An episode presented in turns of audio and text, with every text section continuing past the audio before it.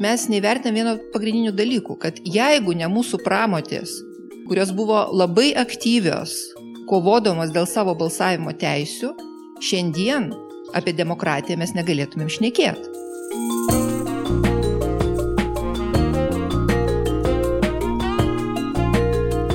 Lietuva yra tarpė pirmųjų valstybių Europoje, kurioje moterys gavo teisę balsuoti.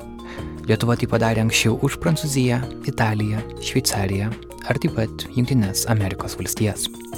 Tai nebūtų pasiekta be stiprių moterų organizacijų, kurios veikia Lietuvoje prieš šimtą metų. Apie jas yra mažai žinoma. Mažai žinoma, kad jau kitą dieną po vasario 16-osios akto paskelbimo Kaune buvo surinktas mitingas, kuriame buvo protestuota, kad ne viena moteris nebuvo įtraukta į Lietuvos tarybą. Buvo platinamos peticijos, istorikai teigia, kad jas galėjo pasirašyti iki 20 tūkstančių žmonių.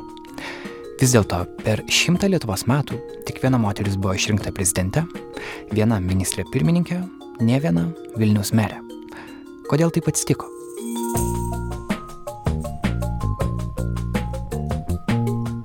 Su jumis Karolis Višnauskas iš Nanuk, jūs klausotės Nailo podcast'o, vietos, kur kas savaitę bandome suprasti modernų pasaulį. Prieš šimtą metų vykę Lietuvos moterų judėjimai buvo tema pirmajai Nailo Live diskusijai Ją įrašinėjome vasario 6-ąją Vilniaus universiteto Tarptautinių santykių ir politikos mokslų institute. Nuo kitų podcastų epizodų šis skiriasi tuo, kad jis įrašytas gyvai, įtraukiant klausytojų klausimus.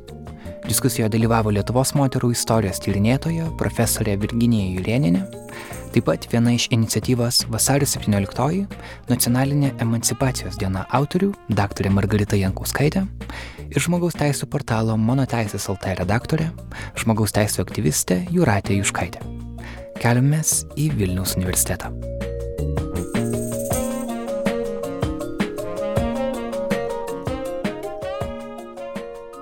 Ačiū labai visiems, kad atėjote. Kai matai žmonės realiai gyvai yra visai kitoks jausmas, labai džiaugiuosi, kad jūsų tiek daug yra. Ir uh, proga tam, apie ką mes dar kalbėsim, realiai yra Lietuvos šimtmetis. Tai yra didelė šventė, bet mes pagalvom, kaip galima šimtmetį išnaudoti kažkokiai papildomai naudai, kad nebūtų taip, kad ateitų 2019 ir viskas užsimirštų.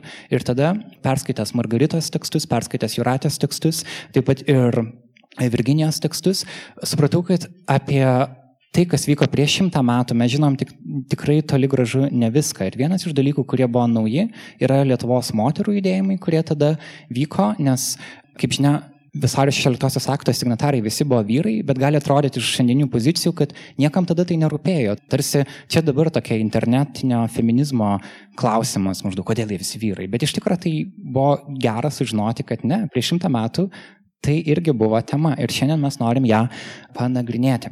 Tad Virginija, gal nuo jūsų ir pradėsiu. Jūs uh, esate daug tyrinėjus tą laikotarpį. Gal nuo to klausimo ir atsispirkim, kodėl vasario 16 akto visi signatarai buvo vyrai. Nes nebuvo taip, kad moterų Lietuvos politikoje nebūtų.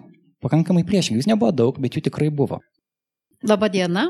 Pirmiausia, pagarba sostiniai tikrai, kadangi atvykau iš laikinosios sostinės, iš Kauno fakulteto, ten, kur vyko būtent tas tarpukario procesai visi, tai jeigu labai trumpai pasakyti, tai iš ties mūsų mes turime lygiavertų moterų judėjimą kaip ir visa Europa, gal šiek tiek silpnesnį, gal šiek tiek labiau įtakojantį aplinkinių valstybių, tai yra Rusijos, Lenkijos, Vokietijos, bet negalime sakyti, kad mes buvom prastesni, prastesniais ar ne, mes kažko nesuvokėm, kažko nepadarėm, mes turėjome išsilavinusias moteris, mes turėjome lygiai taip pat sukurtas lygiavertes moterų organizacijas, turėjome moteris, kurios e, veikia labdaroje, jūs puikiai žinote, Gabrielės Petkevičaitės veiklą ir Žiburėlio veiklą, ar ne, toliau Felicijos Bartkevičianės ir taip toliau. Tai rodo, kad iš ties žiedas gražus, tik tai tas, e, kaip sakyti, viršūnė negraži. Būtų smagu, kad nors Gabrielė sėdėtų tarptų 20 vyrų, būtų 19 vyrų ir viena mūsų graži pošmena Gabrielė, nes tuo metu Lietuvoje buvo.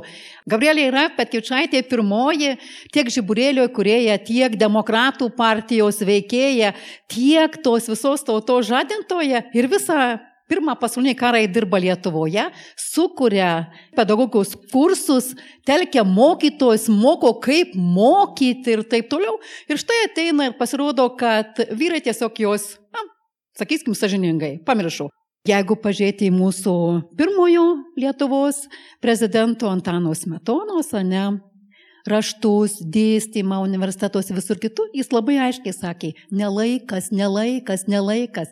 Tegul padirba kultūros rytyje, tegul padirba filantropijos rytyje, kam jom verštis. Jos dar neįrodė, kad gali savo padaryti ar ne. Nors aš kaip tyrėjas sakau, įrodė ir dar kaip įrodė, kas įkūrė, kas šelpė, kas šelpė tuos visus pirmuosius, kurie mokėsi ar ne. Užsienį žiburėlį šelpė mūsų signatarus. Pagalvokime apie tai, aš irgi sakau, pagalvokit, signatarai nerado svarbiausiai Lietuvos moteriai vietos Vilniaus konferencijoje. Čia taškas padėtas. Neieškokite toliau. Vis, visos, kaip sakyti, išeities taškai yra Vilniaus konferencijos 17 metų.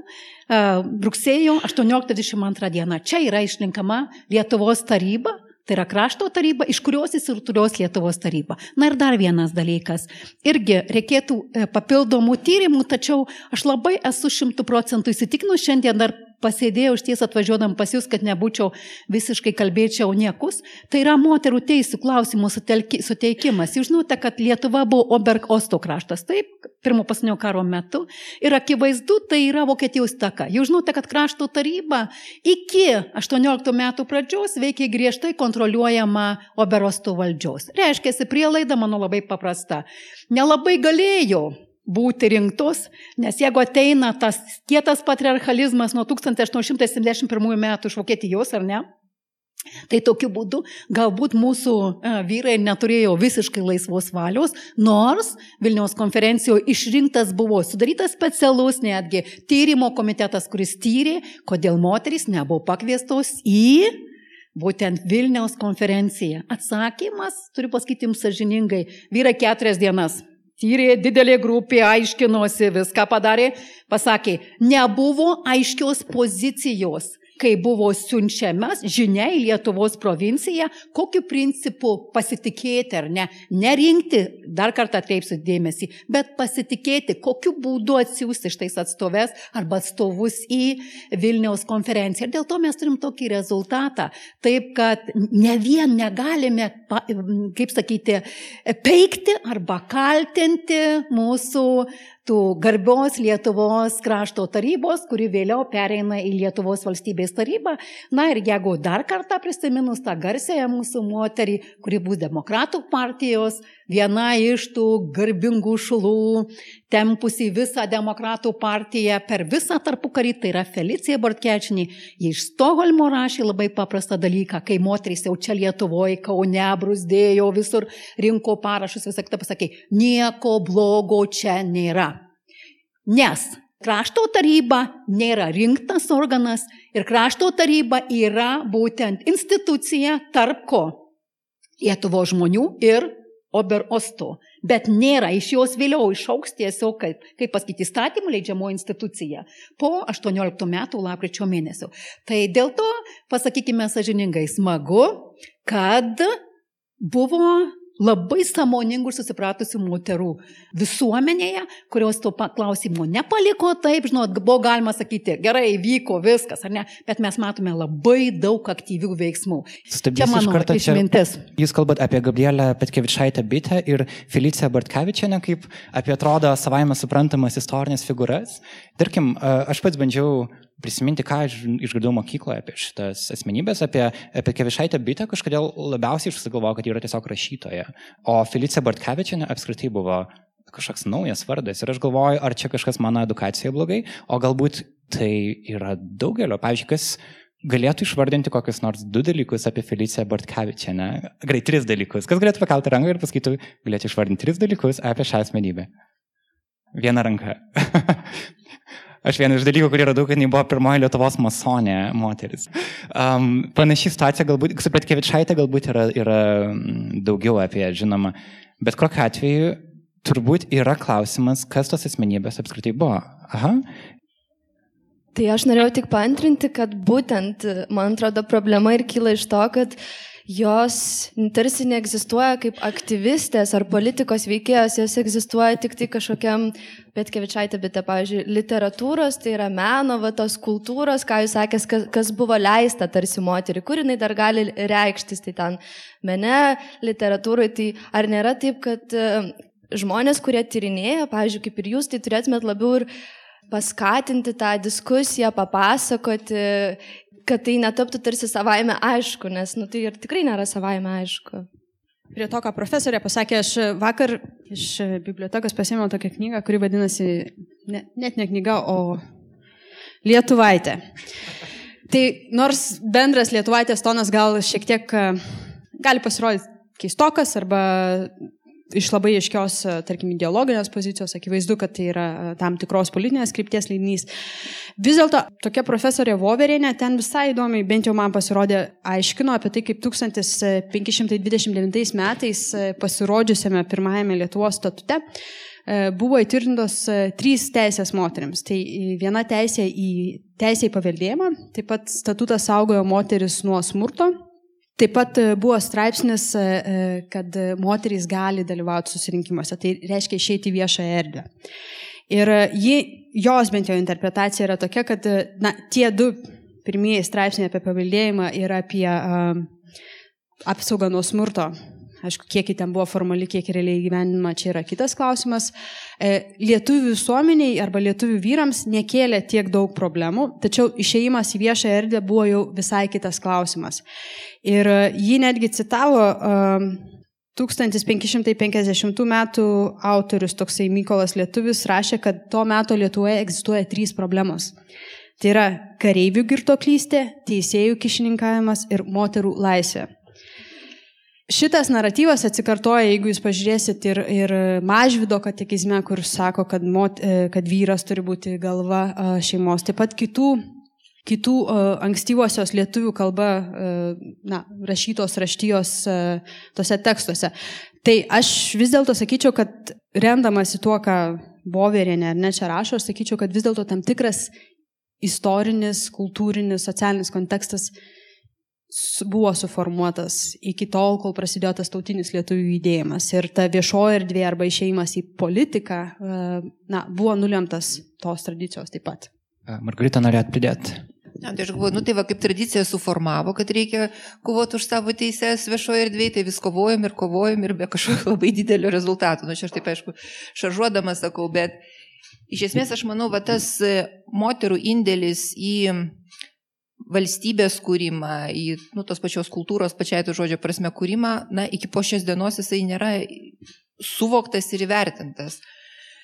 Kuo remiantis aš tai teigiu? Tai tarkime, tam, kad minint valstybės atkūrimo šimtasias metinės būtų prisimintas ir toks faktas, nu, kad ir moteris kokias tai balsavimo teises gavo ir kad tos metinės yra labai jau čia pat. Tai iš esmės tai nebuvo viešos, nu, tos norminės diskusijos dalis.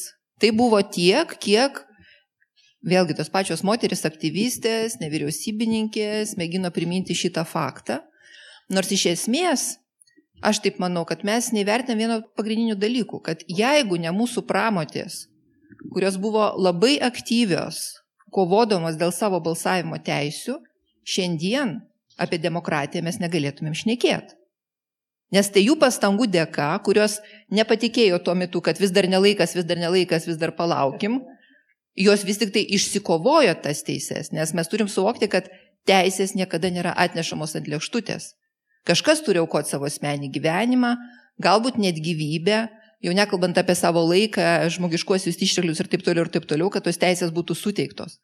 Tai būtent jų dėka mes dabar galim kalbėti apie tai, kad esame demokratiška valstybė, na, tik tiek, kad jau mūsų laikais galbūt nebepakanka džiaugtis tuo, kad turime visuotinės balsavimo teises. Reikia pradėti galvoti ir apie atstovavimo demokratiją, tai ta prasme, kad kaip de facto ten atsitinka, ne tik su apsauga nuo smurto artimoje aplinkoje, bet ir su politiniu atstovavimu, sprendimų prieimimu ir taip toliau ir taip toliau. Tai vad ir sakau, kad nuliktai turim tas tokias neblogas tradicijas, kaip šitos moteris kovoja dėl tos viešos erdvės, bet atrodo, kad vat, toj tradicijoje taip ir gyvenam, kad vis atsiranda naujų iššūkių, dėl ko tenka pakovoti ir taip e, rankas sudėjus atsipūsti nelabai gaunasi. Noriu grįžti prie profesorės Jurienės.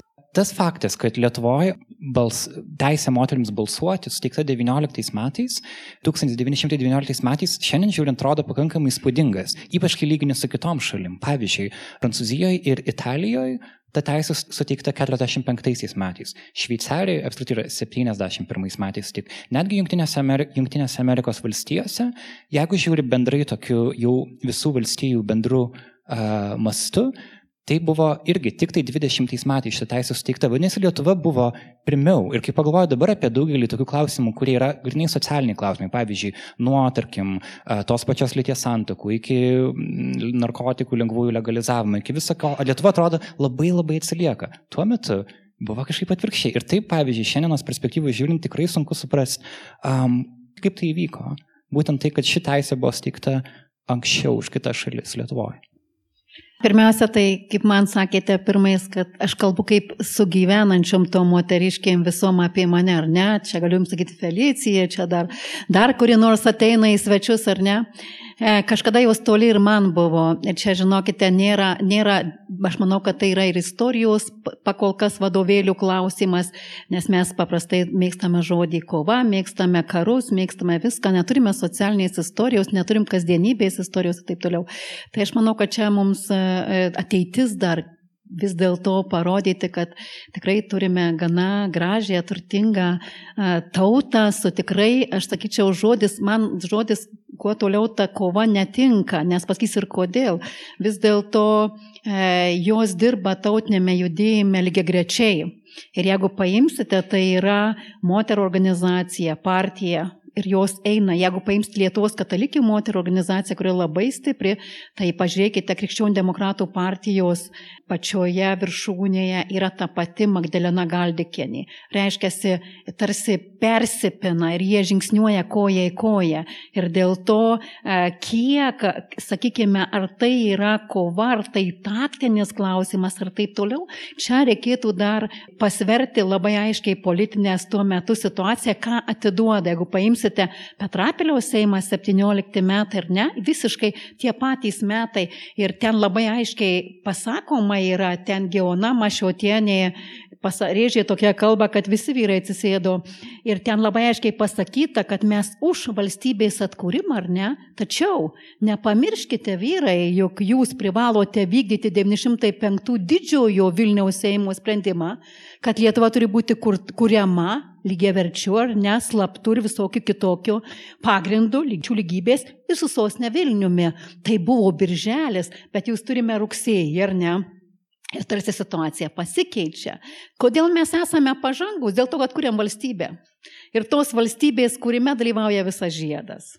Galim girtis tikrai super gerų išrinktų būsimų Seimų, galime girtis su labai dideliu aktyvumu, su atkurtomis moterų organizacijomis, kurios tikrai viena kitai padėjo, atkūrė, e, skaitė daugybę paskaitų, tokio aktyvumo, jeigu dabar mūsų moterų organizacijos taip dirbtų aktyviai, kaip dirbo 18 metais, aš tikiu, žinokite, kad smurtas artimoje aplinkoje arba ten galimybė dalyvauti e, aukščiausiame valstybės valdymo institucijoje būtų pusė per pusę, jeigu mes taip dirbtumėm.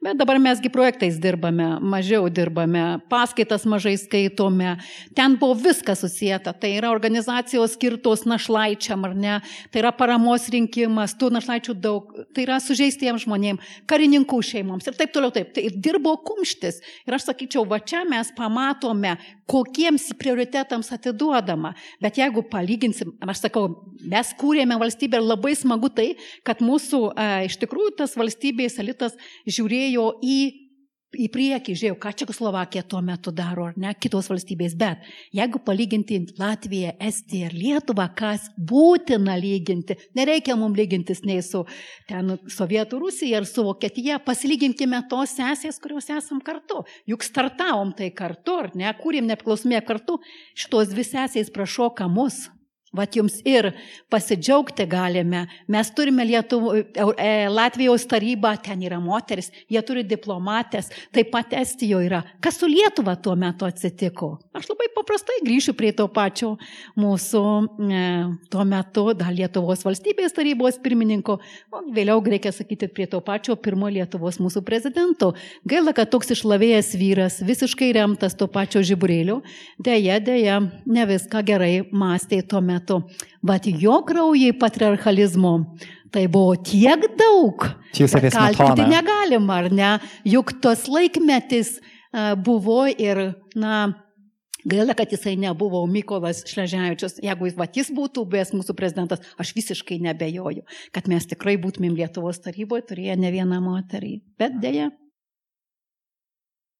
Margarita, norėjot pridurti? Čia tiesiog norėjau pantrinti profesoriai, kad iš tikrųjų net ir globaliai žiūrint yra tas niuansas, kad jeigu moterų balsavimo teisė sutampa su tam tikru nu, išsivadavimu iš priespaudos, ar tai būtų kolonilinė priespauda, ar kažkokia kitokia priespauda, tai kaip taisyklė tos balsavimo teisės yra lygiai grečiai suteikiamas ir vyram, ir moterim. Nes tiesiog tuo metu būna labai stiprus toks demokratizacijos pakilimas ir tada visi kartu gauna tas teises.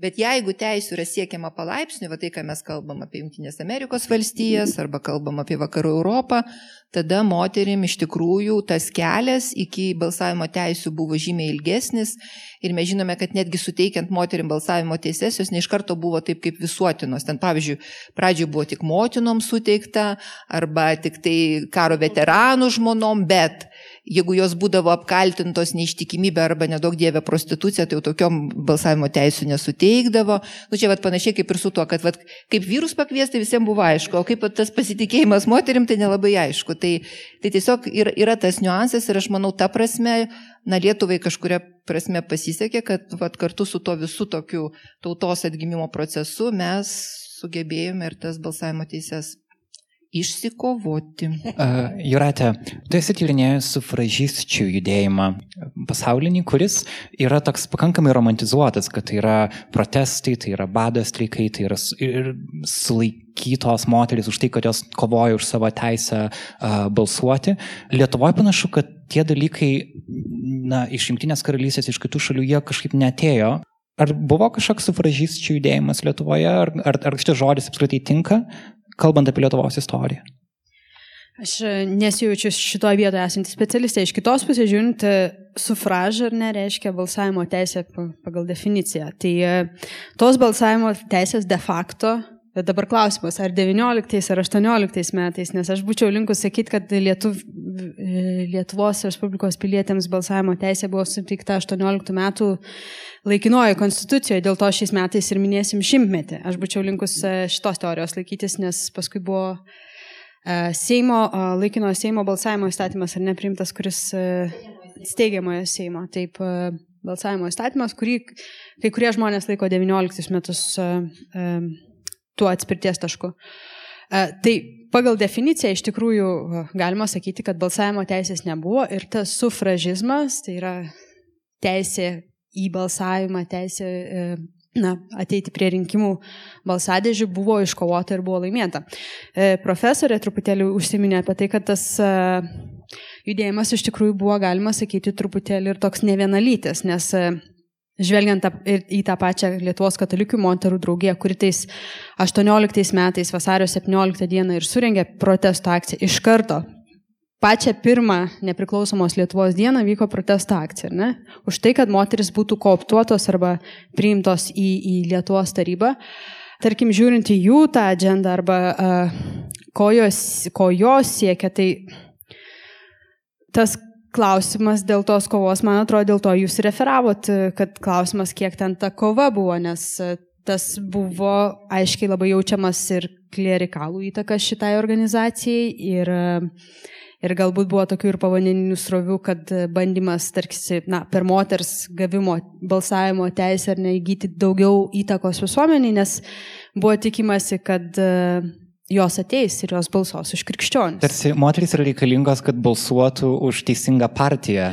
Turbūt tie klausimai, kuriuos mes kalbam dabar, pavyzdžiui, e, vienoda alga arba vienodos pareigos namuose, turbūt tada pavyzdžiui, kad Lietuvos katalikė moterim turbūt, na, tai nebuvo klausimas, bet galbūt buvo kita atsaka, kuri buvo labiau liberalesnė, galbūt tai buvo jiem tema. Kaip, ar mes būtinai turim sakyti, kad jeigu moteris išėjo į protestą, kad tai buvo savame feministinis protestas, Matot, vėl, kaip pasakau, kaip žiūrėsi, tai tą matį procesą, nes jis labai įdomus yra. Iš vienos pusės aš taip, taip sakau, iš ties, nuo sekant Lietuvos katalikų moterų organizacijos veiklą visiškai, komitete pilna iš tikrųjų kunigų, tai yra idėja iš Vokietijos atsivežta ir iš tikrųjų, jeigu paimsite visų trijų seimų, tų demokratinių laikotarpį, tengi faktas vienas. Reikia moteriškių, jos balsuoja, jau super yra aktyvios, paklusnios, pasakė, padarė, rezultatas kaip ir tikras, ar ne? Dėl to aš ir turiu tą vieną tokią iš versijų, kodėl mes e, turime 18 metų jau lab, e, vasario 17 dieną tokį didelį mitingą. Aš manau, kad tai yra pasiekmė, organizacija atsikūrė ir mes turime pasiekmę labai greitą komunikaciją ir sušaukimą žmonių. Bet, o iš tiesų, kokio dydžio buvo mitingas? Kiek žmonių e, susirinko? Pagal šaltinius, pagal, jeigu tikėti tuo metu šaltinius, tai daug. 20 tūkstančių skaičiuojant, tai ne 2000 ir ne 200. Jūs sakote, 20 tūkstančių žmonių susirinko į mitingą.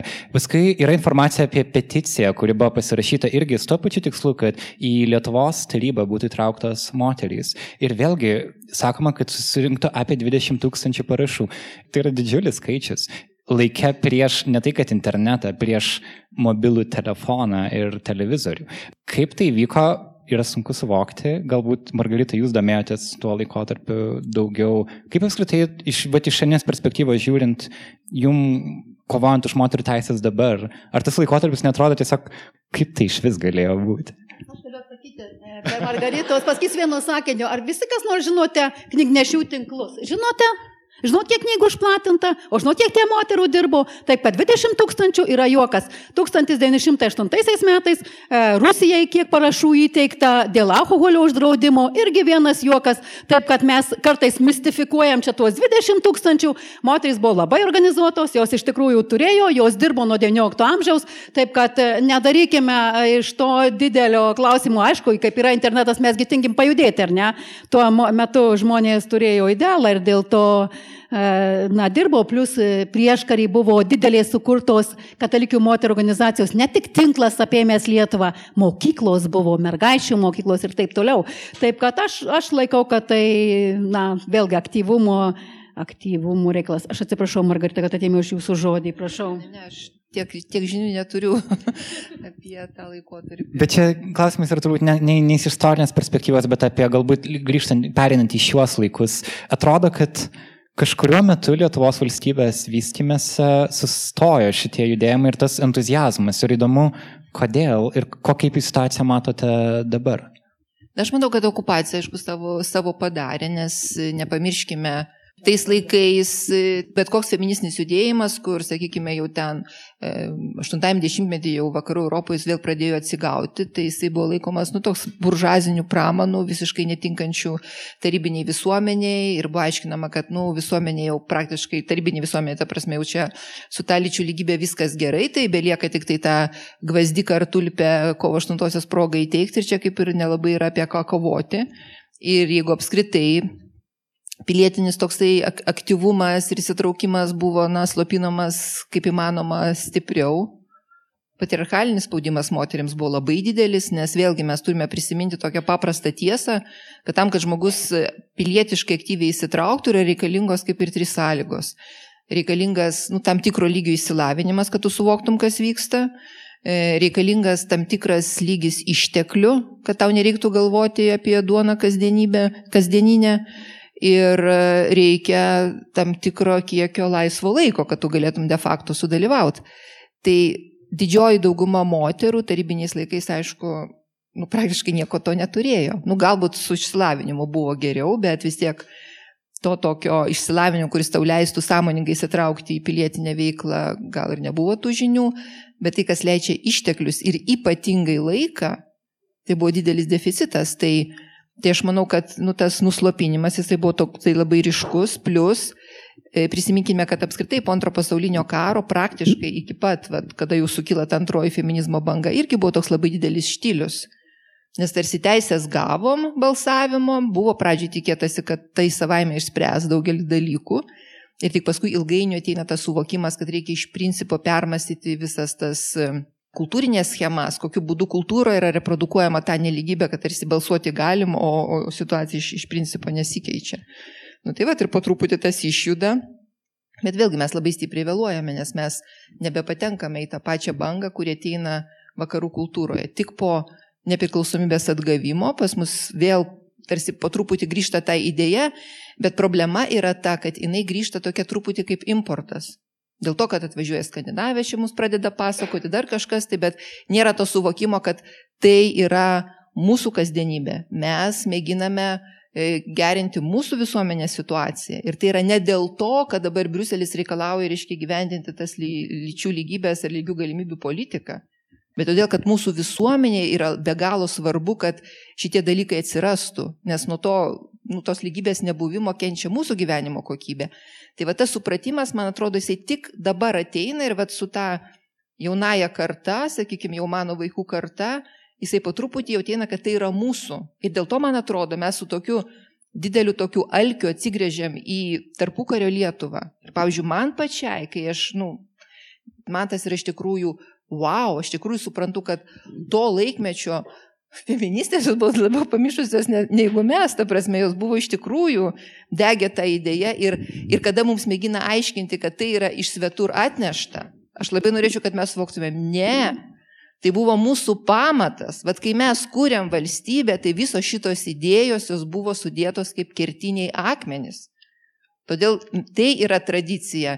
Ne tai, kaip sakoma, atsikratykim, reiškia, to feministinių idėjų, lyčių lygybės ir taip toliau, nes čia supras ne mūsų tradicijos dalis, nieko panašaus. Tai yra mūsų pati giliausia tradicija. Aha, e, Juratė. Man tas atrodo truputėlį problematiškas, aš pabandysiu Margaritai kas, bet taip labai švelniai. Man biški problematiškai atrodo, kai mes kalbam apie tą uh, tą tokį pertrukį, ar ne, tas sovietinis laikotarpis, paskui neaišku kas ir staiga mes va dabar atsibūdom ir dabar kažkas iš tikrųjų vyksta. Ir iš tikrųjų MeToo banga ir, ir iniciatyvos, galų galia faktas, kad mes sėdim Vilniaus universiteto tarptautinių santykių ir politikos mokslo instituto auditorijoje ir jie netgi šito renginiu pasišerina Facebook'e, tai rodo, ne kažką. Labai drąsa. Žiauriai drąsa. Iš kitos pusės žiūrint, uh, man e, atrodo truputėlį problematiška šita dalis e, interpretuojant sovietmetį. E, ta prasme, kad sovietmetis kaip bebūtų taip, bet pakėlė moterų įsilavinimo lygį, įsilavinimas ar net tapo gerokai prieinamės. Nežinau, profesorė, gal jūs turite. Taip, tai universalus įsilavinimas, taip pat Na, mes juokiamės, ne, dabar iš, yra tie anegdotai apie moteris traktorininkės, moteris tankistės ir taip toliau, bet iš principo šito anegdoto esmė yra tokia, kad bent jau a, nominaliai, formaliai šitos specialybės kažkokiu būdu kažkiek tapo moteriams prieinamos, ar ne? Ir kur mano a, problematiškumas šitos situacijos yra e, su visa, e, tai yra su visa nepagarba tam tikrą sovietmečių, kurią aš jaučiu, e, taip pat reikia turėti omenyje, kad e, na, rezistentai nemaža dalis Lietuvos visuomenės, kurie sovietmečių priešinosi valdžiai ir net jie buvo iš dešinio sparno.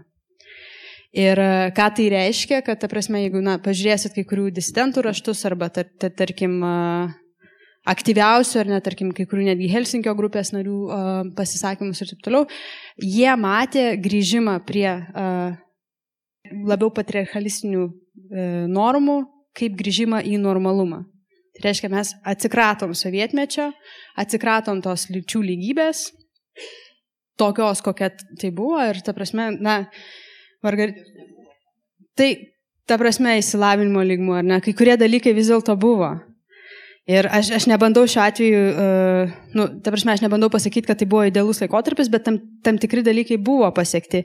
Ir uh, 90-ųjų pradžioj, dėl to tas ne, grįžimas į normalumą ir yra iš tikrųjų nemažai literatūros apie tai parašyta. Pavyzdžiui, kodėl Lenkijoje kažkokiu būdu vis dėlto tos abortų draudimas buvo priimtas. Nes tai buvo grįžimas į normalumą, tai buvo atsikratimas tos socialistinės praeities.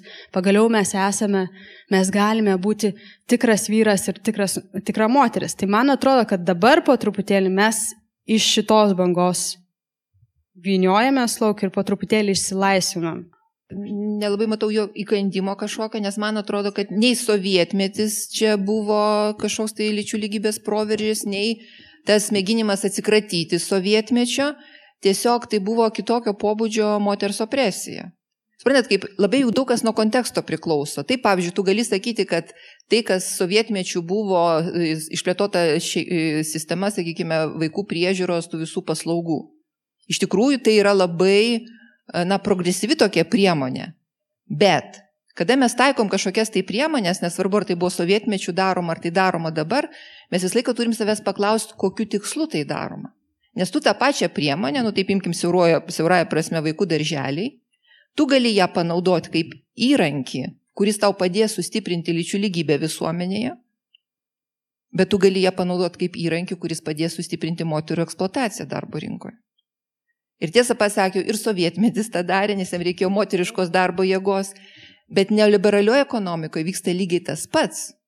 Kai mes dabar kalbam apie šeimos ir darbo derinimo iššūkius ir kaip tą spręsti, juk dažniausiai tas daroma ne todėl, kad norima sustiprinti lyčių lygybę, kad būtų tas labiau subalansuotas pasiskirstimas tarp vyrų ir moterų vaikų priežiūros klausimais ir taip toliau. Ne. Mums šito reikia tam, kad mes galėtumėm didesnę masę pigios darbo jėgos paleisti į darbo rinką ir tokiu būdu reiškia, nu, varyti tą visą kapitalizmą kaupimo mašiną.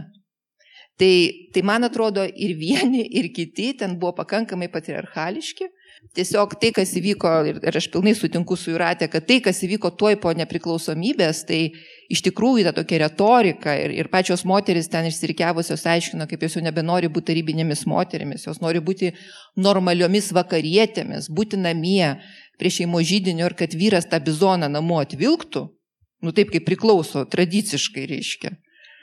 Tai tas buvo iš tikrųjų ir tada buvo tas vajus, kad ir darželių mums nebereikia, mes čia viską uždarinėjom ir taip toliau ir taip toliau, nu ir tampa tokia labai teisinga šeima, bet, nu bet žinot, vyrai greit pralobo, tada pradėjo keisti ne tik tai nekilnojamą turtą, bet ir kilnojamą turtą, tai yra žmonas. Ir moteris labai staigiai susigaudė, kad čia geruoju nesibaigs, kad vis tik tai reikia ir išsilavinimo, ir profesijos, ir tada po truputį atėjo tas suvokimas, kad mes vis tik tai turim pakovoti dėl, dėl savo teisų, nes tas patriarchalinė banga, jinai taip varėsi, kaip sakant, mus vėl į tarpukario, galbūt net ir dar toliau į vos ne 19 amžiaus reiškia pabaigą mus nubloškė.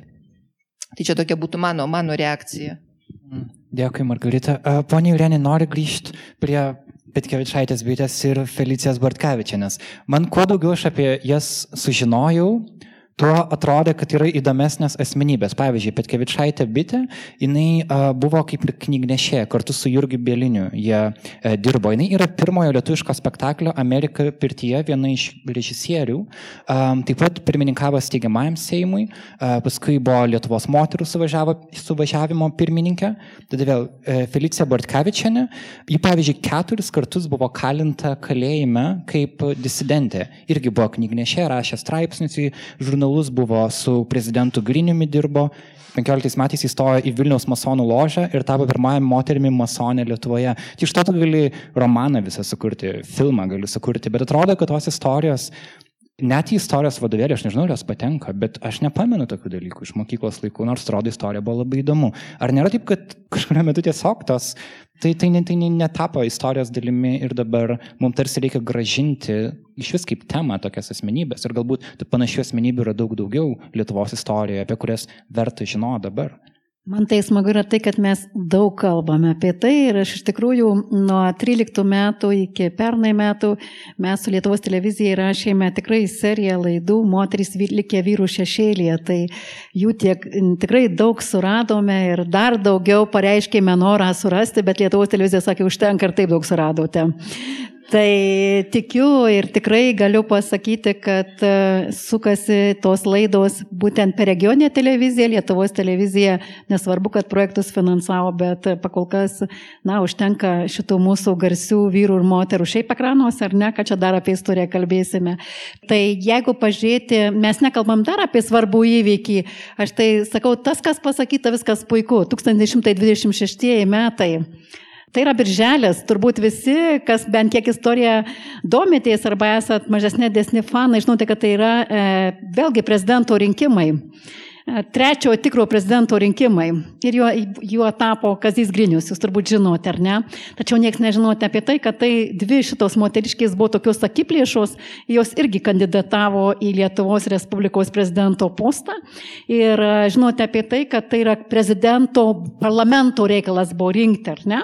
Tai jos gavo tiek pat balsų, kiek ir Antanas Metona, nes Metona irgi kandidatavo tapti trečiuoju Lietuvos prezidentu ir iš tikrųjų, iš tikrųjų tai, tai rodo, kad 26 e, metai buvo palankus mūsų e, būtent moterų judėjimui, feministiniam judėjimui, jis buvo labai brandus. Tuo metu socialdemokratai ir valstiečiai liaudininkai, atsimate, formavo vyriausybę ir tikrai Grinius buvo tas mūsų vienas ir didžiausių demokratų varpininkų atstovų ir, na, po to viskas. Toliau, ką viską aš nekėjau mano kolegės, viskas yra teisingai. Tie 27 metai ir atėjo uraganas.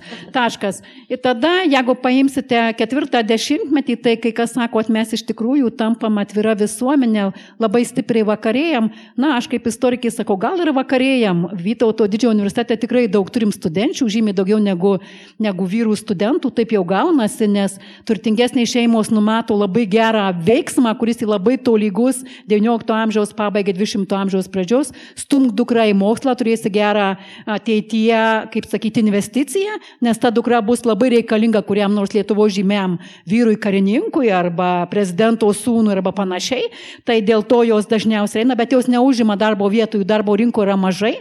Ir jeigu pažiūrėti tautų sąjungos teismus ir taip toliau, Lietuva labai aktyviai kovoja, moteris kovoja už savo teisę būti tiek darbo rinkoje, tiek visuomenėje ir taip toliau. Tačiau tai yra darybos, darybos, kurios baigės labai paprastai. O tartarnio režimo metu yra vienas atsakymas - valstybė finansuoja. Tai arba duos prezidentas Metona pinigėlių vykti į kokį tarptautinį renginį arba neduos. Tai va čia ta jums ateinanti patriarchalizmo banga, kuri nusinešti taip ir toliau ir varys taip toliau. Geras reikalas, ar ne, moterys tik tai dirbs, o jie ten vadovus. Ir toliau mes turėtum daug, daug, daug apie šitą dalyką šnekėti. Ketvirtam dešimtmetį mes neturime a, Gabrielės jau politikoje, viskas, jinai išeina į panevežį, ramiai mokytojauja, sveikata, e, e, kaip sakyti, trinka, Felicija sėdi kalėjimuose, kovoja, visa kita Turime dar vieną garsę moterį, kurią irgi reikėtų paminklus Lietuvoje statyti už lygybę, tai yra Liuda Vienožinskaitė Purienienė, turbūt irgi girdėjo šitą garsėją moterį, ji daug padėjo, iš tikrųjų 24 metais reikalavo lygių galimybių įstatymų įrašyti visai visur, darbo rinkoje, neštumo atostogos ir taip toliau. Ir ketvirtajame dešimtmetį jinai dirba labai daug. Iš ties, jinai, jeigu štais dvi mes matome čiučiut išėjusias iš arenos, tai labai stipriai mes matome Liudą, mes matome tą pačią Galdikienę, Gvildienę ir visas kitas. Tai čia kaip pasakyti, aš vis dėlto sažiningai sakau jums, kad žydėjimas mūsų tos tikrai demokratinės visuomenės tos labai pažangios, tai yra būtent ne ketvirtas dešimtmetis, o trečias dešimtmetis, kur sudėti buvo daug kam pamatai. Ir šties teisingai sakė mano kolegės, kad buvo tikėta, tikėta kad va čia yra, turime jau politinės teises, po to pilietinės teises, apie jas mažiau kalbame, pilietinės teisės lygiai taip pat yra svarbios, kurios buvo deklaruotos. Atminkite, kad Lietuva atsiliko labai daug kur, tai yra turto paveldėjimo klausimai neišspręsti, moters sekimas paskui vyrą, jeigu jinai išteka. Toliau 22 metų konstitucija yra geras sakinys apie šeimą ir šitą, kurią norėčiau pacituoti, mintinai net moku, kad šeimoje pats pagrindinis uždavinys yra tėvo pareiga parūpinti sūnui gerą ateities gyvenimą, nu, darbo vietą, ta prasme, da kažką, o dukrai surasti gerą vyrą. 22 metai. Va štai jums ir gražioji, garsioji demokratinė konstitucija, apie kurią mes ir sakom, nėra nieko geriau Lietuvoje už 22 metų konstituciją. Čia Aš atiduodam mikrofoną, dar pasakysiu vieną paslaptį. 22 metų konstitucijoje, dabar kalbame apie darbo rinką, ne, ir sakome, niekas neįgyvendinta, čia reikia, reikia čia stengtis dėl darbo atlyginimų ir panašiai. 22 metų konstitucija, tos pačios moteriškės, kurios aš čia vis keurai miniu, ir buvo įrašiusi vieną punktą reikalavimą, kad būtų įgyvendintos Lietuvos trys sąlygos. Pirma sąlyga - už lygų darbą lygus atlyginimas. Gera sąlyga, ne? Toliau. Moters darbas namuose prilyginamas vyro darbai. 22, nuo 20-22 metų plakėsi šitas teiginys. Labai geras teiginys, ne? Trečias. Mes dabar, sako, Lietuva įgyvendins trečią punktą, tai bus, nežinau, sakė, 2021-2023, čia Margarita galės mane teisininkai pati, patikinti. 22 metais moteris sakė, keliausime, ginsime kraštą. Kiekvienos moters, kaip kiekvieno vyro prievalė, ginti valstybę. Tumainas sakė, jeigu nežinot, ką veikti, mes pasakysime. Kiekviena lytis turi savo pareigas ir tegu atlieka jais teisingai. Tai kaip matote, vieną įgyvendinsime 20 keltais metais, jeigu bus tokios jaunos ir gražios, galėsite eiti Lietuvos kariuomenę privalomąją tvarką. Ne? Tai to ir linkiu. Jo, bet čia pratesiant, tai žiūrėkit, kiek nuostatų ir praktiškai po šimto metų mes kalbam apie tą patį. Visiškai tą patį. Ta prasme, retorika, argumentai yra visiškai nepasikeitę. Nes dabar šaltinių nepasakysiu, bet esu skaičiusi, kad, sakykime, man atrodo, vat, būtent dėl to koptavimo, kada buvo išsakyti argumentai, kodėl tos moteris turi būti koptuotos, tai buvo pasakyta, kad punktas numeris vienas, todėl kad Lietuvoje moteris sudaro didesnę visuomenės dalį. Punktas numeris du. Dėl to, kad Lietuvoje moteris yra labiau išsilavinusi visuomenės dalis negu vyrai. Punktas numeris trys. Moteris Lietuvoje padaro daug gerų darbų e, šeimai ir, ir taip sakant, valstybei. Kas nors pasikeitė po šimto metų, praktiškai argumentacija visiškai nepasikeitė ir net darbo tvarkė iš esmės nėra pasikeitusi. Tai, tai va čia va irgi toks, aš sakyčiau, mums visiems, nu toks, nežinau, šauktukas ar, ar, ar koks čia turėtų būti ženklas, kad negalima užmygti ant lauro. Ir čia ta prasme galima būtų prisiminti Simonas de Beauvoir žodžius, kurių irgi nepasituosiu taip jau žodis į žodį, bet jin yra taip pasakius, kad e, užtenka, kad tik tai įvyktų kokia nors ekonominė, politinė arba religinė krizė ir moterų teisėmis iš karto pradedama abejoti. Todėl budrios turim būti visą savo gyvenimą ir kovoti dėl savo teisų. Publikos klausimai. Viena iš idėjų yra, kodėl mes neįrašinėjom šito kažkur studijoje, o gyvai čia kartu su jumis visais, yra tai, kad mes galėtume ir kalbėti. Ir nežinau, ar tas mikrofonas veikia, bet tikrai kažkas, nebūtinai klausimą, galbūt komentarą yra prieki vienas ir galbūt, galbūt netgi kelis iš karto galime. Tai man pačiai nesenai teko dalyvauti tokiame gana keisto pobūdžio pokalbėje, kokiu šiais metais turbūt gana nemažai nutinka, tokių proginių, gana deklaratyvių pokalbių, kurie yra skirti e, šimtmečiui Lietuvos. Tai metų redakcijoje tokio mėnraščio sėdėjau su Dariumi Kuoliu, Regimantų Tamošaičių, Juratė Sprindytė ir istoriko Aurimo Švedu. Ir mes ten sėdėjome, kalbėjomės, kas per tuos šimtą metų įvyko, ką verta kokius e, tuos niuansus ar istorinės asmenybės pabrėžti, ar apskritai verta tą daryti. Ir tiesiog man įstrigo labiau kalbant apie literatūros ir meno temą Juratės sprendytės pastaba tokia, jinai šiek tiek galbūt ne visai buvo patenkinta dabartinėmis Lietuvos literatūros tendencijomis ir tokia pastaba, kuri nuskambėjo taip gana grėsmingai, istorija tai tikrai atsirinks. Ir aš tai pagalvojau, labai gerai istorija atsirinks, bet kai mes kalbam apskritai apie galios diskursą ir um, istoriją, kuri veikia apskritai kaip tokia kloščių sistema, Tai ta istorija atsirinks labai priklauso ne nuo to, kokie meno kūriniai bus geriausi, ne nuo to, kokios asmenybės tuo metu kažką tokio labai stipraus darys ir panašiai, bet nuo to, koks narrativizavimas esant tuo metiniai dabarčiai bus pats naudingiausias, pats, taip galima sakyti, kabutėse ar ne pelningiausias ir panašiai. Tai man atrodo, kad visa ši istorija, apie kurią aš pati nors esu vienas iš savo studijų baigusi istorijos iš tikrųjų, bet e, tikrai nežinojau to momento, ar net tos visos istorijos, kuri galima sakyti skandalinga ir netgi verta ten pirmųjų puslapių ar net dienraščių apie tai, kaip moteris nepateko įvykus samokslui ar net tarp signatarių. Tai žodžiu, man atrodo, kad tai yra labai gera mums istorijos pamoka ir ta pamoka, kuri tikrai nurodo, kad po šimto metų egzistuoja labai didelė grėsmė, kad pavyzdžiui, daugybės dalykų, žmogaus teisų kovos dalykų mes galbūt taip pat nerasime nei vadovėliuose, nei plačiai visuomenės masiai prieinamuose informavimo kažkokiose priemonėse.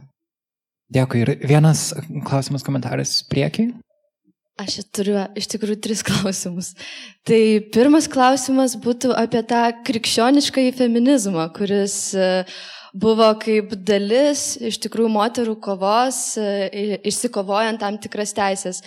Nes aš pati domiuosi šiek tiek islamiškojo feminizmu ir kai kam nors pasakoju apie tas moteris, klerikės ir teisininkės, kurios e, studijuoja Koraną ir, ir tada tenai e, pykstasi su klerikais vyrais, aiškindamos ir naujai interpretuodamos Koraną, taip tarsi norėdamos plėsti moterų teisės tai skamba gana kaip oksimoronas, kad tai nu, nėra galbūt tikrai feminizmas.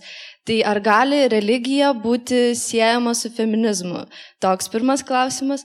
Tada antras klausimas būtų apie Jūs sakėte, kad moterų organizacijos buvo labai stiprios ir jos turėjo tarsi kažkokį ir tinklą, tik knygnešių tinklą, mokyklų tinklą ir jos labai tarsi stipriai veikia institucinių lygmenių. Tai ar šiai dienai moterų organizacijos turi tokius stiprius tinklus su instituciniu lygmeniu? Ir trečias klausimas, tai kadangi aš tikrai labai nu, visos tos pavardės moterų, kurias jūs minėjot, apart Petkevičius šaitės bitės man buvo naujos, tai ką, galėtų, ką, ką galima būtų paskaityti žmogui, kuris galbūt labiau nėra istorikas ar mokslininkas, bet vat, norėtų paskaityti apie šitas moteris labiau tokiam populiariosios, uh, populiariosios literatūros rėmose. Aš apie klausimą apie re, religinį feminizmą arba islamic feminism. Man atrodo, kad tas klausimas iš tikrųjų religiją mes suprantam kaip patriarchalinį kūrinį. Ne? Kad ir kokią religiją žiūrėtumėm, struktūra yra ta pati. Ir, ir vakaruose tas įsivyravęs modelis, kai a, religija iš principo yra daugelio atmetama, bent jau mainstreaminiuose feminizmo diskursuose, davė tam tikrų pliusų ir leido judėti į priekį, bet kartu a, užvėrė galimybės tam tikrom sąjungom ir tam, tikrom, a, ben, tam tikriem bendrumam. Ir žvelgiant į kitokios kultūrinės praktikos visuomenės, kaip tarkim, na, nežinau, Egiptas arba dar kas nors, e, religijos nebuvimas feminizme yra neįmanomas. Emancipa, moterų emancipacija vyks tik per religiją, praktiškai žiūrint į tą kontekstą. Ir, e, mano, ir tas, e, na, literatūra šitoje srityje labai stipriai auga ir iš tikrųjų galima netgi stebėti, kad yra netgi toks judėjimas islamic feminism, ar ne? Tai iš tikrųjų čia, man atrodo, ne vieno iš mūsų dalykas spręsti. Man, e, kodėl aš gana kritiškai truputėlį žiūrėjau į Lietuvos katalikų moterų draugijos veiklą, šiek tiek kritiškai. E, ta prasme, kad e, jeigu žiūrėtum, tarkim, jų leidinius 20-30 metais, ten, tarkim, buvo tokia ir naujoji vaidilutė ir, ir, ir dar kiti, labai aiškiai jautėsi, kas valdo. Ir ta prasme, labai, aš nenorėčiau sakyti šiuo atveju ir pasakyti, kad valdė vyrai kunigai pilnai, bet jų įtaka buvo milžiniška. E, dėl to, e, kai mes kalbame apie tą islamišką feminizmą, kuris dabar vyksta, man jis yra labai įdomus, ypač tais aspektais, kai moteris savarankiškai organizuojasi. Aišku, jos veikia religijos rėmose, bet, bet jos at, e, veikia prieš patriarchalizmą tam tikrą prasme. Nors aš žinau, kad čia daugam oksimoronas, tai ką aš sakau skamba. Tai dėl to aš šiek tiek kritiškai žiūrėjau, žiūrėjau ir vis dar žiūriu į tai. Nes labai aiškios tam tikros lyčių normos, labai aiškiai indoktrinuojama, kad e, paklus bažnyčiai, paklus kunigui, paklus ne taip tiesiogiai, bet e, labai šitą liniją jaučiasi. Apskritai, kada mes, pavyzdžiui, kalbam apie lyčių lygybės politiką, nu, bet tarsi kaip ir sutinkam, kad, na, kaip ir galutinis tikslas tos feministinio judėjimo vis tiek būtų ta lyčių lygybės politika, tai vėlgi labai yra svarbu suvokti, iš kokios perspektyvos arba kokią prieigą taikant kalbam apie, apie, apie tai. Nes, e, nu, sakykime, akademinėje literatūroje išskiriami trys tokios, trys galimos prieigos, kurios vadinamos įtraukimo, apkeitimo ir pakeitimo prieigos. Tai tas įtraukimas tai reiškia, kada tu moteris kaip ir mėgini įtraukti į egzistuojančią tvarką. Tu egzistuojančios tvarkos nekvestionuoji, tu mėgini jas įtraukti. Nu tai va, tai, ką Juratė pasakojo apie tarpukarį, aš įsivaizduoju, tas ir yra, kad tvarkoje yra va, ta tvarka, mes jos nekvestionuojam, bet jis leidžia moteriams būti toj tvarkoj. Iš esmės jos turi prisitaikyti prie vyriškos normos, tapti panašios į vyrus, nu ir tada jos galės funkcionuoti lygiai taip, kaip vyrai funkcionuoja. Kitas prieš priešinis požiūris yra, kuris sako, kad palaukit, moteris turi savo labai specifinės patirtis dėl tos socializacijos skirtumų, taip, nu, dažniausiai būdavo akcentuojamas būtent motinystės funkcija, kur tarsi moteris labai atskiria nuo vyrų, nors šiais laikais jau, kada vyrai išeina vaiko priežiūros atostogų, tai galbūt irgi tą galim būtų jau po truputį pradėti kvestionuoti. Bet tai yra tarsi toks akcentavimas, kad va, tai yra specifinės patirtis, nehegemoninės ir jos turi būti lygiai vienodai vertinamos kaip ir tos hegemoninės. Bet čia irgi tarsi yra problema, kad kai mes akcentuojam patirčių kitoniškumą, mes vėl to pačiu įtvirtinam normą, nes mes sakom, kad jos yra kitokios negu norma, reiškia norma vis tiek išlieka. Ir yra ta trečioji prieiga, kuris sako, kad iš principo reikia dekonstruoti tą e, lyčių tvarką, kvestionuojant ne vien tik tą vyriškumo normą ar ten kažkokias ten nehegemonės patirtis, bet iš principo pažiūrėti, kaip ta sistema veikia, kad jinai reprodukuoja neligybės ir panašiai ir panašiai. Tai man atrodo, čia irgi gali būti visaip. Gali būti ir tai, kad, reiškia, tas religija ir tas feminizmas tai yra moterų įstatymas į jau egzistuojančią tvarką, o galbūt jos imasi dekonstrukcijos iš esmės ir tiesiog permastyti apskritai, ką reiškia tas religingumas mūsų gyvenime ir kaip mes jį suprantam. Tai aš manau, čia yra atviras klausimas ir kiekvienu atskiru atveju reikia žiūrėti, kas iš tikrųjų ten vyksta ir kas, kas, kas daro, bet tas pavojus, kad jos gali būti koptuotos į tą, į tą normą. Jisai, man atrodo, visą laiką išlieka. Čia yra labai tokia. Bet turbūt reikia pripažinti, kad be Lietuvos katalikių moterų visi tie judėjimai, apie kuriuos šiandien kalbame, jie nebūtų įvykę. Tai čia yra dvi, kaip be būtų dalys. Mes negalim sudėti, kad viena čia buvo katalikų moterų organizacija, nes kita buvo labai stipri, nu, kaip pasakyti, organizacinių požiūrių silpnesnė, nes neleido ją įsiforminti. Čia, žinot, ir kas greitesnis, kaip ir dabar, kas apsukresnis. Čia lėmė 908 metai po pirmo moterų suvažiavimo būtent yra moterų sąjunga. Tos visos kitas žiedas, kuris, kurią mes sukasi ir pleirytė puidienė ir visos kitos, jos yra iš tikrųjų liberaliosios rovės atstovės partijas ir jos iš tikrųjų pasidalina per Lietuvos demokratų partiją ir socialdemokratų partiją, ar ne? Tai ir Lietuvos valstiečių liaudės, liaudininkų sąjunga. O ten jau toliau eina kita dalis, kvata, kurią ir Juratė čia minėjo apie tai, kad labai stipriai takota tai Lietuvos krikščionių demokratų partija, ne? Tai Lietuvos moterų sąjunga. Tik tai tiek, kad jos turi skirtingas struktūras. Na, gale kaip bebūtų, buvo, e, sakykime, daugiau Lietuvos katalikių moterų organizacijų, nes valstybė iki 26 metų praktiškai rankose visada turėjo kas? Lietuvos krikščionių demokratų partija, jeigu pradės nuo steigiamojo Seimo. Visada valstybėje, vyriausybėje, ar ten sąjungoje su Lietuvos e, valstiečių liaudijų sąjunga, ar vieni krikščionių demokratai, jie valdžioje trečiajame Seime tik tai atskiriami nuo valdžios. Ir dėl to jie vykdo perversmai, negali pakesti. Bet kas paaiškėja, kad valstybėje buvo betvarkė. Betvarkiai buvo ta prasme, kad moterų katalikų moterų organizacija gavo finansavimą visišką visom savo mokyklom ir pati organizacija buvo dotuota iš valstybės biudžeto. Vat ateina 26 metai, kai ateina Mykolas Šležečius ir pairsta. Ir ateina didelės skolos, ateina vals, būtent šitos, šitų organizacijų mokyklų žlugtis ir taip toliau, taip toliau. Tai rodo paprastą dalyką, kad kiek partijos yra suaugę su moterų judėjimu, kiek juo naudojasi, arba kiek moterys yra labai reikalingos joms. Tai čia rodo įsilavinimo klausimą. Aš labai jums sažiningai sakau, kad kol moterų katalikų organizacija buvo tiesiogiai, sakykime, pavaldžius parapijoms ir taip toliau, tol buvo renkami labai tikslingi seimai.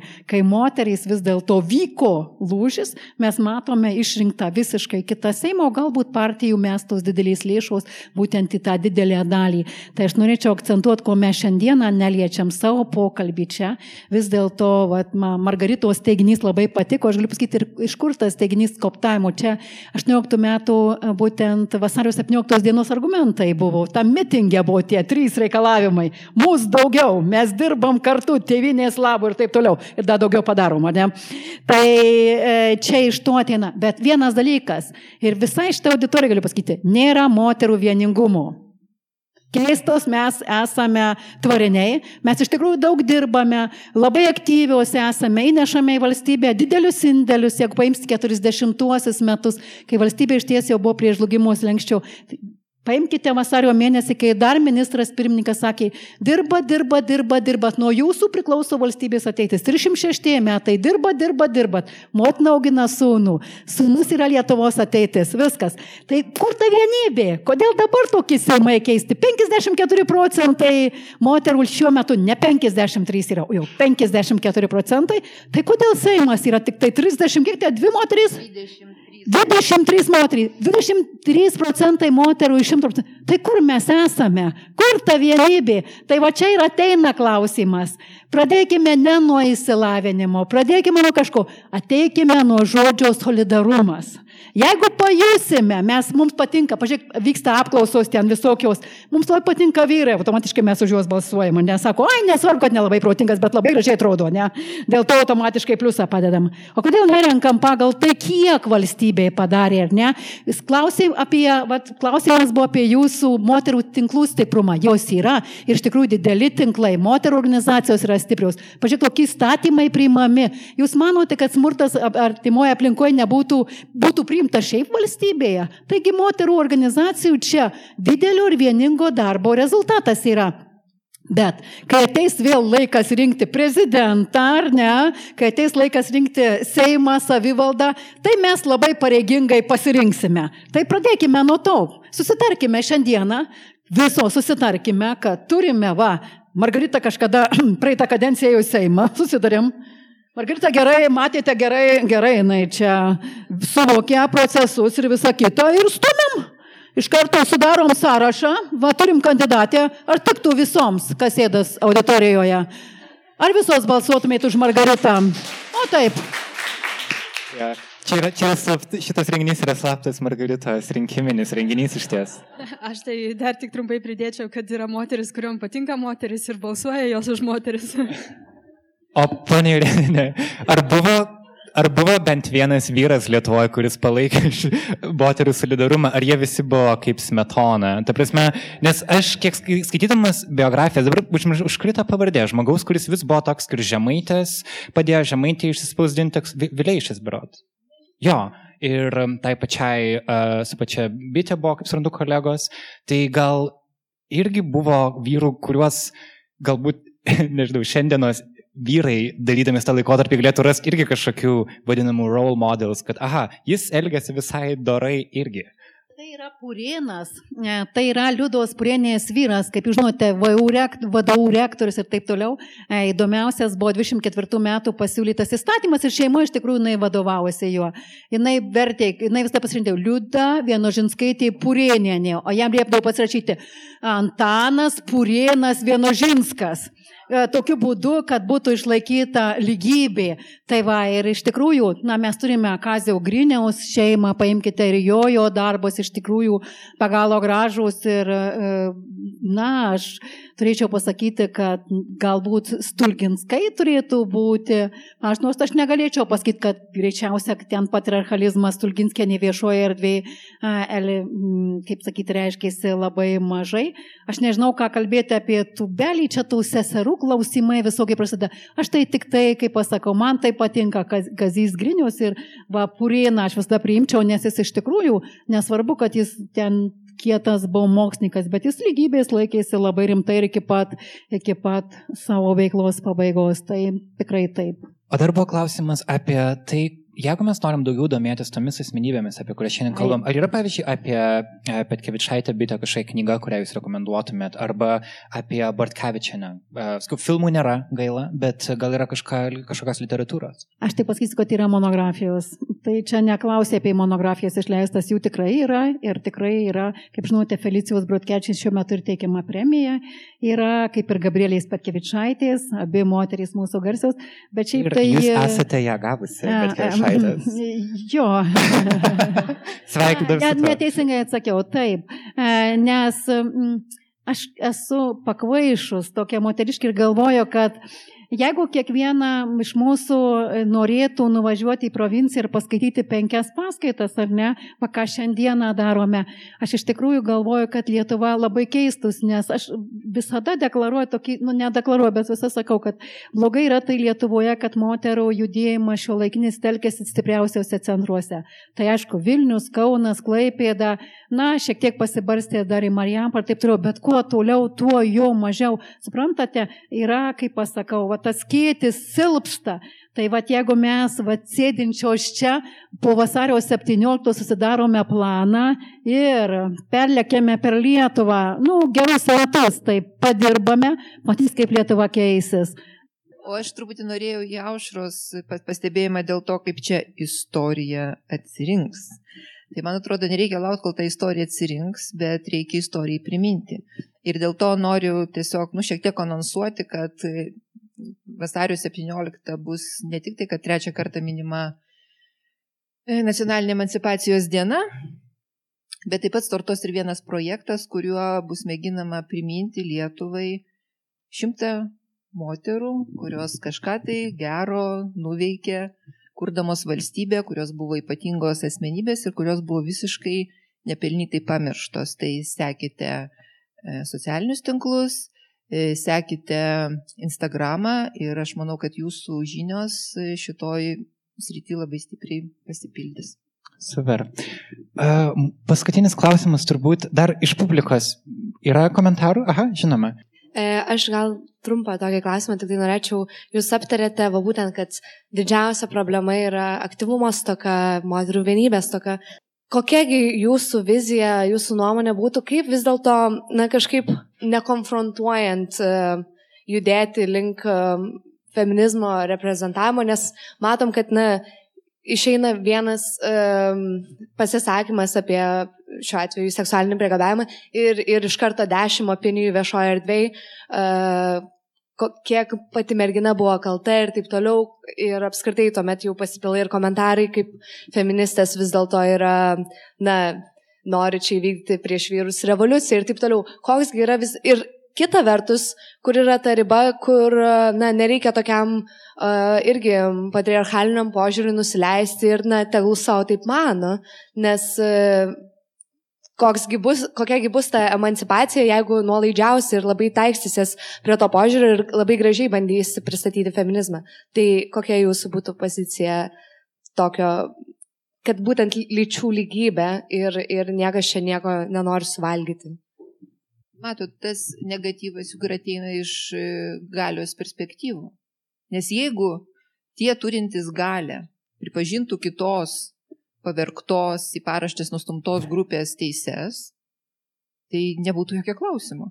Ne, nebūtų už ką kovoti. Ta prasme, tu gerbi mano teises, nežinau, išklausai, kad, sakykime, dėl kažkokių tai priežasčių aš jaučiuosi uzurpuota, ten diskriminuojama ir visa kita, tvarkoj, dalinamės išteklius, diskutuojam, randam kompromisą, jokių problemų nebūtų visi tie ėjimai į gatves, nesvarbu ar tai būtų moteris, ar tai būtų jodaodžiai, ar tai būtų, e, reiškia, kitos lytinės pakraipo žmonės ir taip toliau ir taip toliau, jie įvyksta tik todėl, kad galios struktūros nepripažįsta jų žmogiškumo, jų teisų ir panašių dalykų.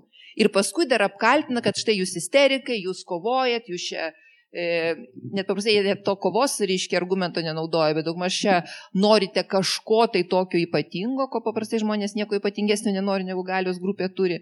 Tai aš manau, kad tas mėginimas pasakyti, kad, nu, čia kažkaip jūs tyliau, čia nekelkite triukšmą ir visa kita, tai vad būtent yra tas mėginimas parodyti tau tavo vietą. Nes aš turiu teisę į balsą. Aš turiu teisę į balsą ir aš tą išsakau tu būk mielas, išgirsk mane. Dėl to aš manyčiau, čia nereikia bijoti, kad e, sako tau, kad, nu, vat jos ten agresyvios, isterikės, nežinau, raganos ar dar kažką. Tai kai buvau labai jauna, kokį tai ten tokį, nu, tokį tipo vadovėlį moteriams skaičiau, ten buvo pasakyta, kad merginos mokykitės išmokti, kai sako, jūs pavadina raganą. Jūs pasakykit, o, vadinasi, aš esu teisingam kelyje. Aš tai priimsiu kaip komplimentą. Ir kai pradėsi tai priimti kaip komplimentą, jie nustos jūs vadinti raganą, nesupras, kad tai neveikia. Dėl to aš manau, čia, čia nu, tiesiog kažkokio vidurio nėra. Tiesiog aš jaučiu savo vertę kaip žmogaus ir jeigu ta vertė yra paminama, nu, aš atstoviu tos dalykus. Ir viskas.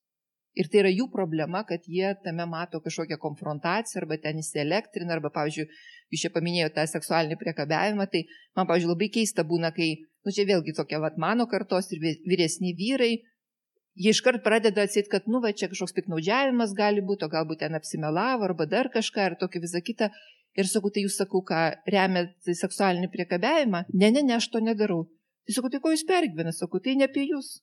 Tai apie tuos, kurie seksualiai priekabiauja, tai jūs atsipalaiduokit, bet iš kažkodėl tai yra tapatinimas jūsų tą poziciją. Tai tiesiog neprisimkite svetimos e, gėdos ir kalties, aš tai taip sakyčiau. Jūs pradėjote klausimą nuo žodžio konfrontacija, aš manau, kad reikia konfrontuoti maksimaliai. E, todėl, kad e, prisiminkim, tarkim, e, atsiverskite 2008-2009 metų žiniasklaidą ir paskaitykite, kas tada buvo rašoma apie LGBT asmenis. Dabar mes kalbam, ar ne, apie jau, jau tampa politiškai nekorektiška galbūt ir sakyti, kad čia e, Jau žiniasklaida sugeba atsirinkti, kad ten, tarkim, iš pasaulio sveikatos organizacijos lygų sąrašo šitas e, fenomenas yra išbrauktas, kad iš Amerikos psichiatrų, psichologų asociacijos sąrašų šitas fenomenas apskritai buvo išbrauktas 70-aisiais. Mes jau pradėjome apie tai kalbėti.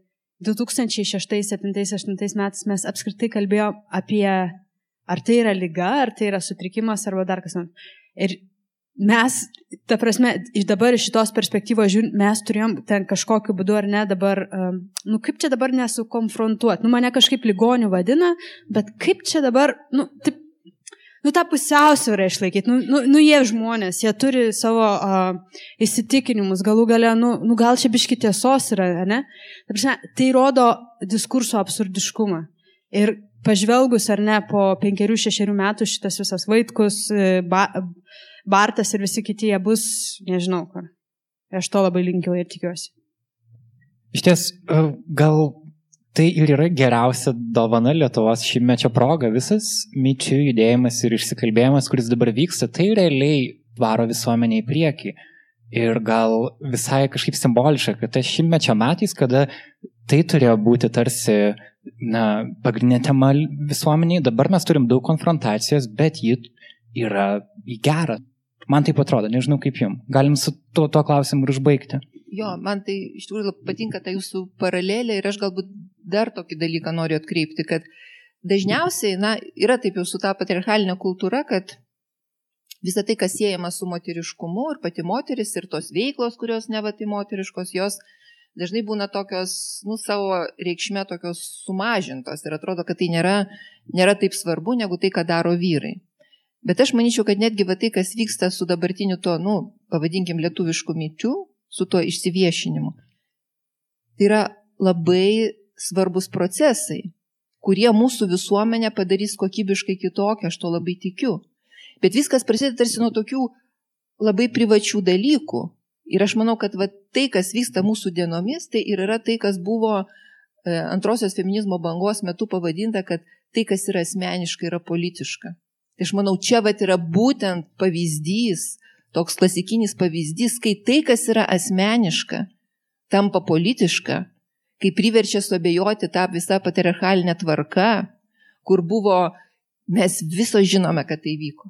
Mano kartoje, nu, nežinau, 90 procentų merginų perėjo per visą tai tai buvo nutylima, apie tai buvo nekalbama ir staiga mes subrendom ir mes pradedame apie tai kalbėti, kas aš šventai tikiu, kad iš esmės pakeis visą atmosferą, ne tik aukštosiose mokyklose, bet ir visuomeniai pakeis. Ir va čia va yra tas pavyzdys, kur atrodo nuo tokių privačių dalykų, kurių ten, nu, neįrašysi, reiškia, į Lietuvos didžiosios valstybės istoriją, nu, ten kažkoks seksualinis priekabiavimas, nu, kažkoks ten nacionalinės premijos laureatas, nu, kas čia per įvykius toks. Bet aš manau, kad tai yra svarbus įvykiai ir, ir va taip ir daroma istorija. Nedaroma kuriama. Kuriama istorija, o mes esame jos visi aktoriai, ar ne? Todėl aš ir linkėsiu šitai gražiai auditorijai, kuri yra čia ir kuri galbūt girdi mus apie tai, kad e, taptume e, brandžiomis asmenybėmis. Iš tikrųjų, atsakykime savo, ar ne, ką gali daryti, kiek gali daryti ir ką mes darome, ar ne? Bet aš tai laikau antrą žingsnį. Kažko visi prašoka pirmąjį žingsnį, kuris buvo moterų pavardžių trumpinimas. Aš visada sakau, kad tai buvo, atsitiko, mes turime teisę, aišku, blogai, kad pop žvaigždės visą reikalą gadina. Čia, su, atsiprašau, sušiko reikalą, sakau, sušiko yra lietuviškas žodis dabar, ar ne, e, oficialiai naudojamas, bet jeigu paimsite, tai yra vienas iš pirminių žingsnių prieš kitus du žingsnius, jeigu paimsite tada, kai vis dėlto nenukeliavome iki Strasbūro teismo, nors tai buvo pasiruošusi ir Europą išgirsti šitą naujieną, kad Lietuvoje mes turime gatavą patriarchatą patriarchalizmą, kur moters priklausomybė tiesioginės kaip daikto yra, ar ne, sėdi prieš jūs jūrėnienė, ar ne, jūrėnų priedas, ar ne, jūrinas turi teisę, nes sovietmečius mokėjau 7 rublius, o kokią kainą mokėjau savo vyrui. Taigi, tai ta, mes turime pirmą žingsnį. Antrą, be abejo, turime kalbėti apie seksualinės mažumas. Ir trečias žingsnis, galų gale, mes prabilom apie tai, apie ką bijojau daug kartų kalbėti. Tai aišku, be abejo, ne tik tai aš tikiu, kad aukštosios mokyklos mes turime kalbėti galbūt dar apie visokias kitas, kitus dalykus, bet, bet tai kaip tie sakyti, jeigu žaizda atsidarė, pulinys prasivėrė, paprastai sakant, reiškia, kaip tie sako, teks operuoti arba pasivirs ar ne. Tai jeigu toks procesas vyksta jau ne vieną savaitę, reiškia, operuojasi ir visuomenė operuojasi. Tokiu būdu aš ir linkiu tą vat, vasario 16 ne tik tai vėliavom pamosikuoti, ne tik tai pasakyti, kad mes esame patys samoningiausi Lietuvos piliečiai, nešvenčiam ar ne, bet atsakyti į klausimus savo, kaip, kaip sakau, kaip aktyviems, būsimiems šitos Lietuvos ateities kuriejams. Kokią Lietuvą norime turėti, nes kūrėme tai tik tai mes. O labiausia tai jūs. Čia, žinot, aš jau nueinanti nuo scenos aktorė, bet jūs esate tie, kur ir tos ir tie, kurie turite atsakyti, kaip Lietuva atrodys. Nes vakar Margarita sakė, jie nueis, jie čia pariekau, žinot, niekas nerašys, tikrai monografijų ne vienas nerašys apie, apie šituos reikalus, nebent dar nu, mėnesį paputos ir baigta, ar ne? Bus bylos arba nebus bylų, bet principas, kokia ta Lietuva bus, bet aš kaip sakau, kaip ir bet pritariu savo kolegiams, kad jinai bus turi, gražesnė turi būti, bet tai priklausys nuo jūsų. Tai grinai priklausys nuo jaunimo, nes šiuo metu Pažiūrėkite, daug politinių ir visokių procesų jaunimas eina tarsi, na, kažkur jisai. Tai būkite geri. Paimkite tą vėliavą Lietuvos ir tapkite vedliais. E, vedliais visur, politinėme šalies, kultūrinėme šalies gyvenime. Neleiskite vykti, kaip vyksta, nes nuo to priklauso. Jūs esate raštingiausi. Jūs mokate valdyti socialinės medijas. Jūs mokate entuojų kalbų, žinote, kokią revoliuciją galite Lietuvoje padaryti, net niekas neįsivaizduoja, ar ne? Tai nes jūs valdote visus instrumentus, tik tai sakau, nepadėkite jų šoną ir būkite, kaip aš tai pradėjau, samoningais Lietuvos piliečiais ir pilietėmis. To ir linkiu.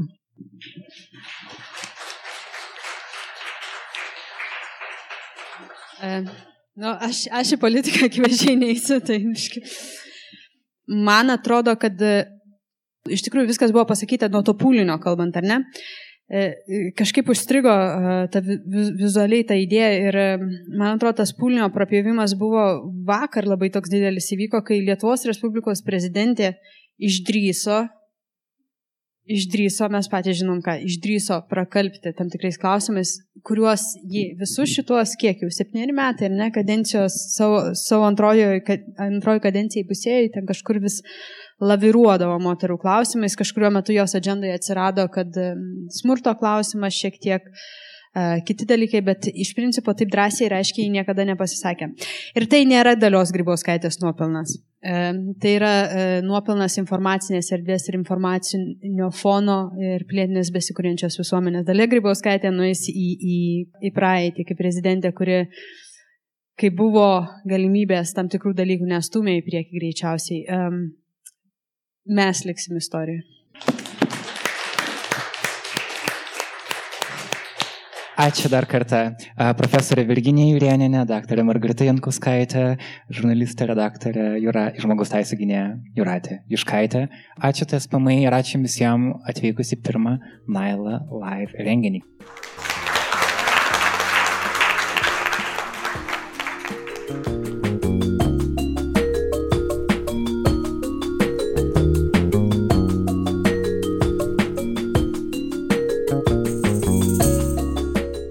Ačiū, kad buvote kartu.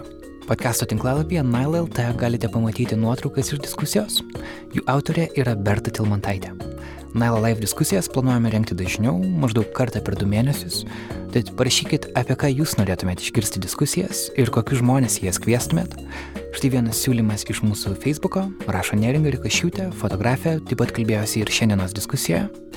Norėčiau išgirsti 15-17 metų paauglių balsus, ką tik grįžau iš Junktinės karalystės, kur susitikinėjau su žymiausiamis meno institucijomis, The Roundhouse, Barbican Center ir kitomis.